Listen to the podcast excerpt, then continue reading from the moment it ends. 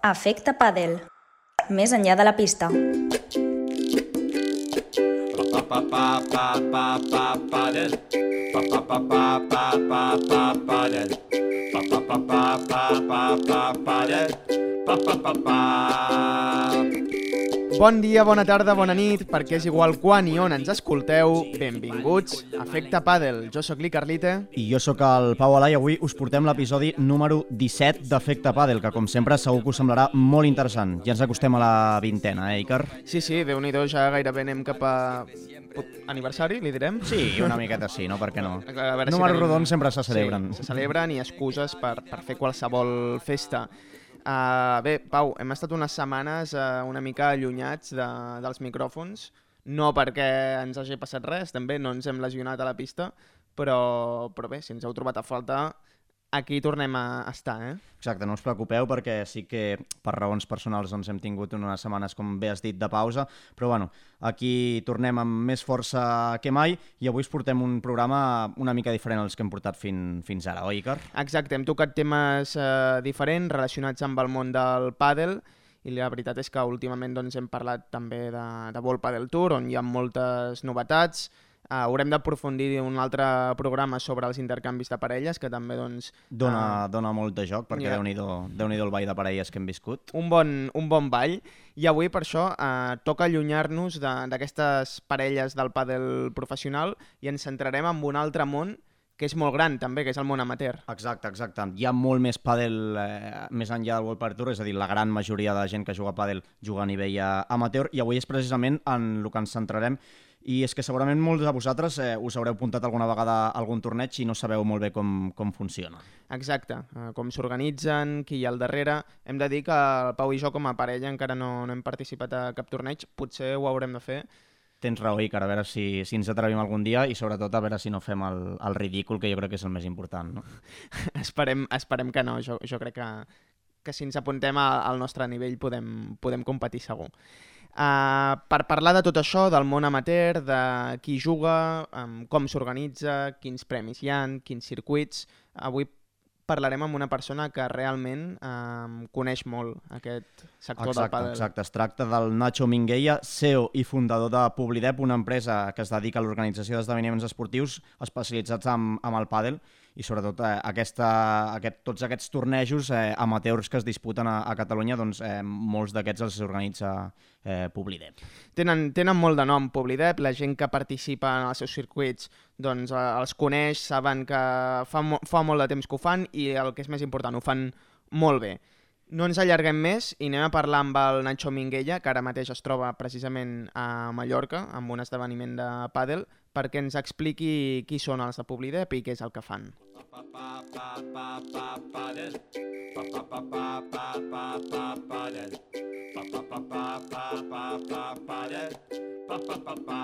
Nacho Minguella, què tal? Benvingut a Efecte Pàdel.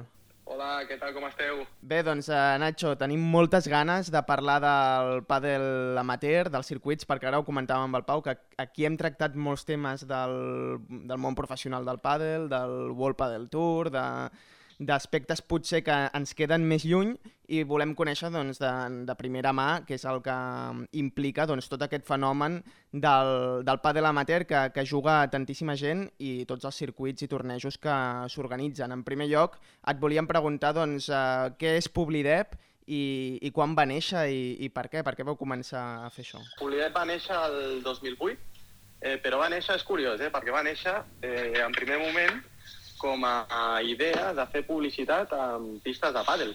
Mm. Ja està, aleshores, bueno, no va sorgir una miqueta la idea, no va funcionar, i al mig any vam organitzar un torneig benèfic i ens vam donar compte que, bueno, que ens sortia perfecte. Et parlo del 2008, eh, quan el pàdel encara no era el que és ara, ni molt menys. Hmm.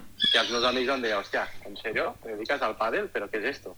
I ara és impensable. Ara qualsevol persona li preguntes què és el pàdel Clar. i, i ja ho sap. I la veritat se'ns va donar bé i a partir d'aquí pues, vam organitzar més tornejos i més cosetes i en tres anyets pues, vam organitzar un circuit. I a partir d'aquí, des del 2012, pues, ja tenim el circuit de pàdel Publidep. Vam començar amb Adesles i després, en el 2017, vam, bueno, l'empresa es va dividir jo em vaig quedar al nom de Publidet i vam començar amb el circuito Publidet by Allianz. I nada, fins al dia d'avui. I imagino, Nacho, que igual que el pàdel doncs, aquests últims 10 anys sobretot ha crescut d'una manera desmesurada, vosaltres a l'empresa també haureu notat eh, que tot eh, s'ha eixamplat moltíssim i que hi ha moltíssima més gent que juga a pàdel, oi? Sí, la veritat és una brutalitat. Mira, et, puc, eh, et parlo des, de, des del coneixement de, dels circuits amateurs. De fa molts anys que m'hi dedico això i mai he vist aquesta brutalitat que, bueno, que ha passat en els últims anys. Eh, la gent s'ha multiplicat. És a dir, la gent que abans no tenia ni idea del que era el pàdel ho ha provat Mm. arrel de la, de la pandèmia, perquè no podíem fer altra cosa que jugar a pàdel o, o sortir a córrer o anar amb bici, i s'han quedat. I això s'ha notat moltíssim en els tornejos de pàdel. Nosaltres sempre teníem els tornejos plens, però és que ara no és que els tinguem plens, és que hi ha llista d'espera en cadascun dels tornejos que organitzem. Mm. És una brutalitat. La veritat és que sí, ho hem notat molt. I ara que parlaves de la pandèmia, sí que és veritat que després hi ha hagut aquest efecte contrari, de que hi ha hagut molta més gent inclús que ha començat a jugar, però durant la pandèmia, vosaltres que viviu d'això, d'organitzar tornejos, com, com vau sobreviure aquella època? Com vau passar-la? Home, la veritat és que malament.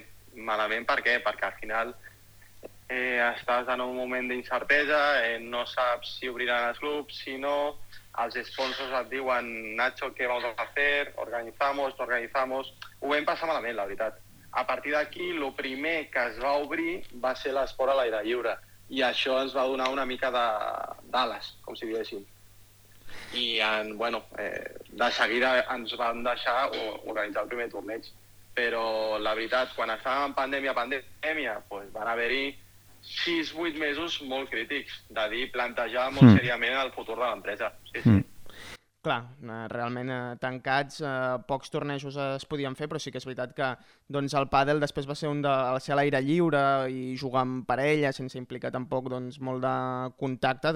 Va, va ser un dels esports que va obrir primer i per tant aquí doncs, eh, veu poder recuperar l'activitat. Ara ja estàvem parlant de- d'aquesta època ja de creixement del pàdel, però abans comentaves quan vas començar que, que era el 2008 i els teus amics et deien ostres, eh, això del pàdel, vols dir? Um, com vas tenir la visió de... Per què vas dir, ostres, anem a apostar per, per aquest esport? Um, com el vas conèixer o com, com vas arribar a entrar en el, en el pàdel al principi de tot? Bueno, des de molt petitet jo em dedico al món de la raqueta, he jugat a tennis i la meva vida ha sigut als clubs. He sigut entrenador del David Lloyd, del Polo, del Salut, eh, de l'Icària, eh, coneixia moltíssima gent i bueno, una cosa et porta a l'altra, jugar a tornejos i vaig dir, pues, mira, aquest món m'agrada, coneixo molta gent, per què no dedicar-me en el món del pàdel? La veritat, eh, va ser una mica de, de rebot. Eh, volia fer alguna que m'agradés i vaig aportar, vaig apostar per això. I bueno, m'ha sortit bé, els anys m'han demostrat que realment pues, és algo que, que, que, bueno, que ha explotat. I la veritat és que estem molt contents a dia d'avui. Bueno, clar, i el que va començar com un hobby ara ja és algo que s'ha convertit en una realitat i a sobre una realitat molt potent. Quantes persones eh, formen Publidep avui en dia? Mira, Polidep, us explico una mica l'estructura interna de Polidep. Eh, Mm. Polidep va néixer, us l'he explicat que és un circuit de Barcelona, vale? però avui en dia ja no és solament un circuit de Barcelona. Eh, actualment és un circuit de Barcelona eh, on hi ha unes 3, actualment 4 persones fixes treballant, després tenim el públic de Madrid, que hi ha actualment unes dues persones més, ja seríem 6, Després, eh, diferent, tenim un circuit eh, nacional que es diu el Women Padel, el Port Inglés, que és un circuit femení, que hi seríem dues persones més, i també una línia nova que hem obert des de fa dos anyets aproximadament, és la distribució a Catalunya de, a Catalunya d'Andorra de Bull Padel. Mm. Aleshores hem obert una red comercial també per distribuir la marca Padel. I com ja sabeu, per mi és la marca més, bueno, la més importància a nivell mundial. I, I bé, la veritat és que, com veus, estem entretinguts. Bueno, a part, portem l'activació de, molts, de moltes empreses. Unes d'elles, per exemple, fem moltes coses amb Estrella d'Am, fem moltes coses a béns privats amb també, i amb BMW, eh, Barcelona Premium, i amb moltes marques. La veritat, tot eh, envoltat en el món del pàdel. Clar, això demostra que el pàdel um, no només és el, el joc o en aquest cas doncs, els tornejos, sinó que cada vegada eh, hi ha més interès per part de les marques, les mateixes marques de pàdel també mica en mica es van professionalitzant i, i surten moltes oportunitats, no? Ho heu notat això també a l'hora de, doncs, per exemple, buscar patrocinadors, que cada vegada doncs, vinguin més marques de fora i, i, i apostin per, pel pàdel i els seus valors? Sí. Nosaltres a la Poli de Barcelona vam començar per sort amb, bueno, amb marques importants i realment les marques importants atrauen més marques importants.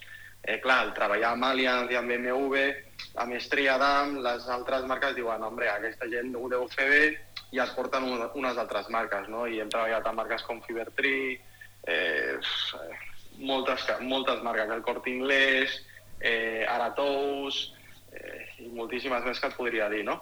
Al final, al pàdel, sí, hi ha moltíssimes marques interessades, però moltes marques interessades, sobretot, en el perfil de gent que hi pot haver-hi en, cada, en cadascun dels esdeveniments. És a dir, per exemple, al Publidet hi ha un target i en el Woman Paddle hi ha un altre target. És a dir, en depèn de quin circuit, doncs entraran unes marques o unes altres. Mm.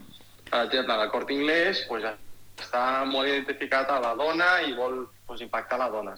Doncs, estan en el, en el Woman Paddle. Tous, el mateix, Woman Paddle. Canvi, Publidet Barcelona doncs, diu, mira, jo eh, prefiero el Publidet Allianz i així una mica anem dividint sobre Polidet o Woman Padel. Bueno, ara explicaves que mm, cada cop hi ha més patrocinadors interessats en, en tenir la seva marca, diguéssim, als vostres tornejos. Quants patrocinadors o marques podeu arribar a tenir en un sol torneig i, i realment si passa igual que, que amb la gent que hi vol participar, que a vegades n'heu de descartar alguns? Doncs pues sí, això passa molt. Mira, nosaltres dividim una mica els patrocinadors, els patrocinadors eh, premium i després els col·laboradors. Els patrocinadors són els que aporten una mica el, el valor econòmic, la, la contraprestació econòmica i també material. I els col·laboradors són els que aporten només el tema de eh, valor material. Vale? Això ho fem amb els, amb els sponsors.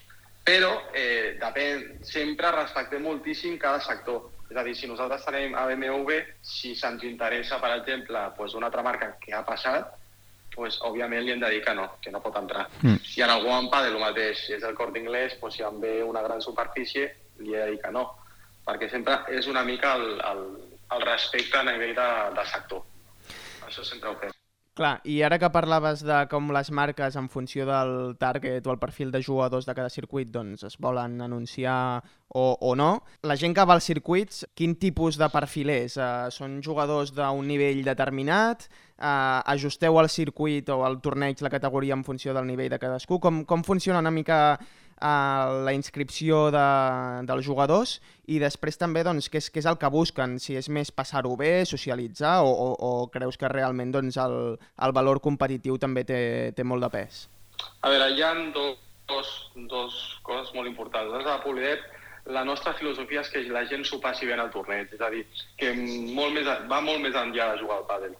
Mm. Òbviament, el nivell competitiu està molt bé, perquè tenim un nivell pues, bastant, bastant alt per ser un nivell amateur a Polidet, però també passa moltes coses dintre del, del torneig. Pues, tenim una degustació d'estrella d'am i de lemon, tenim una degustació de, de gin tònics i de còctels per Papra Fibertree, tenim fisioterapeuta pues, diversos dies de la setmana del torneig, tenim molts bons premis, molts bons sortejos. Doncs la gent pues, va una mica més a, a passar la tarda ja, a passar l'estona. Juga, sí, s'ho passa bé, competeix, però a la, a la vegada interactuar una miqueta amb les marques.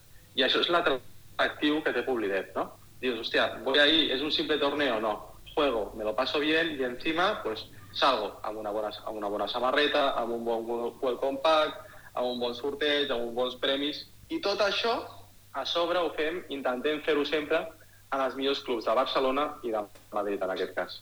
O sigui, entenc que més enllà d'un torneig és mm, una experiència, podríem dir, i una mica si eh, és realment amb això amb el que us diferencieu de, de la resta, o sigui, sou, eh, en aquest cas, més enllà d'un torneig, doncs mm, és molt més que, que un torneig, com bé has explicat, has explicat tu. Ah, exacte. Intentem ser molt més que un torneig, no? perquè al final tornejos de pagar mateix hi ha moltíssims. I, bueno, però que facin tantes accions i millor donin tants premis i interactuïn tant amb la gent, doncs millor pues, pues, a lo millor podríem ser una mica el punt diferencial amb els altres tornejos amateurs.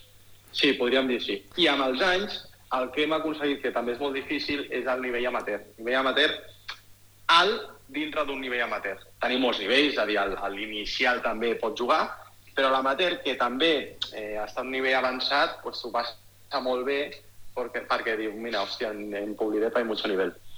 És a dir, això és difícil aconseguir. També tenim moltes dones, que les dones avui en dia eh, juguen molt, però li costa molt competir. O sigui, en el pàdel passa una cosa.